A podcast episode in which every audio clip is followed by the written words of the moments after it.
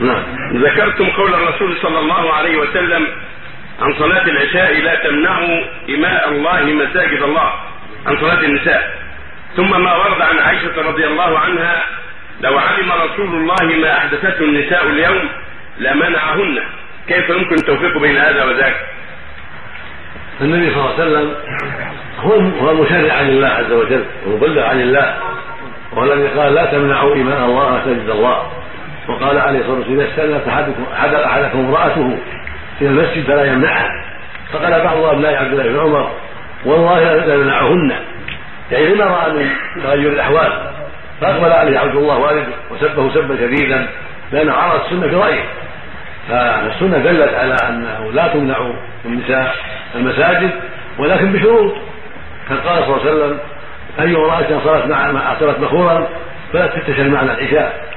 وحتى على الستر والجلباب وغير ذلك فالمرأة لا تمنع لكن بشرط بشرط أن تكون آه، على الطريقة الحسنة وعلى السيرة الحميدة وعلى الستر التام. أما إذا كانت تفتن الناس بإبراز زينتها وفاتنها وبخروجها بالطيب تمنع كما دل عليه قول النبي صلى الله عليه وسلم أي امرأة صارت معنا بخورا فلا تشتري معنا العشاء. يأخذ طيبا. وهذا يدل على أنها لا تخرج بالطيب لا بالبخور ولا بغير الذي يظهر إلى الناس ولا بد أن تكون متستره محجبه ولا بد أن تكون ليست ذات ريبة إذا كانت ذات ريبة تستغل خروجها للصلاه وتفعل وتستعين بهذا على أمر آخر مما يضر زوجها وأهلها تمنع. فالحاصل انه انها لا تمنع إذا كانت سليمة إذا كانت طيبة إذا كانت متسترة إذا كانت متباعدة عما حرم الله فخروجها ينفعها ولا يضر الناس. فلا بأس. وأما قول عائشة لو علم النبي صلى الله عليه وسلم النساء الخروج فجواب ذلك إن الله جل وعلا يعلم كل شيء. والمشرع الرسول عن الله ما ينطق عن الهوى.